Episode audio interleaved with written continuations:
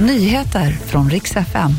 Det ska bland annat handla om mystiska meddelanden som har dykt upp på polisens hemsida och om Taylor Swift, för nu har ännu en stalker gripits utanför hennes bostad. En ganska liten hare har hittats. Ja, idag har det dykt upp märkliga meddelanden på polisens hemsida som kan verka lite obegripliga. I Eskilstuna kom till exempel rapporter om en ganska liten hare som har hittats. Polisen vet inte hur det hela gått till, men ska nu försöka reda ut situationen för att få sig en uppfattning om det här problemet.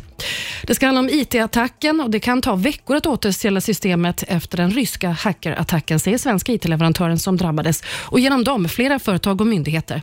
Det finns också en oro för att personliga uppgifter har läckt ut och Statens servicecenter till exempel hanterar löner för över 60 000 anställda. Och det här systemen har både personnummer, adresser och så vidare. Ärendet utreds just nu av polis.